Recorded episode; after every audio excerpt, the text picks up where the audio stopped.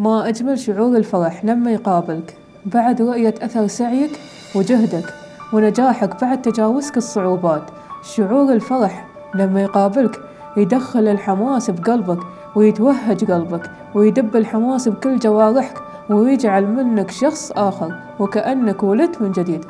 فتعلم دايما أن لما يقابلك هذا الشعور تفرح وتسعد من أعماقك. وما تضيع هاللحظات بالتفكير بما يربك شعورك ويعكر عليك صفو سعادتك لأن اللحظات السعيدة إذا أسرفت بها قد لا تعود من جديد أو إنها قد تعود لكنها لن تكون كرونقها في أول ظهور.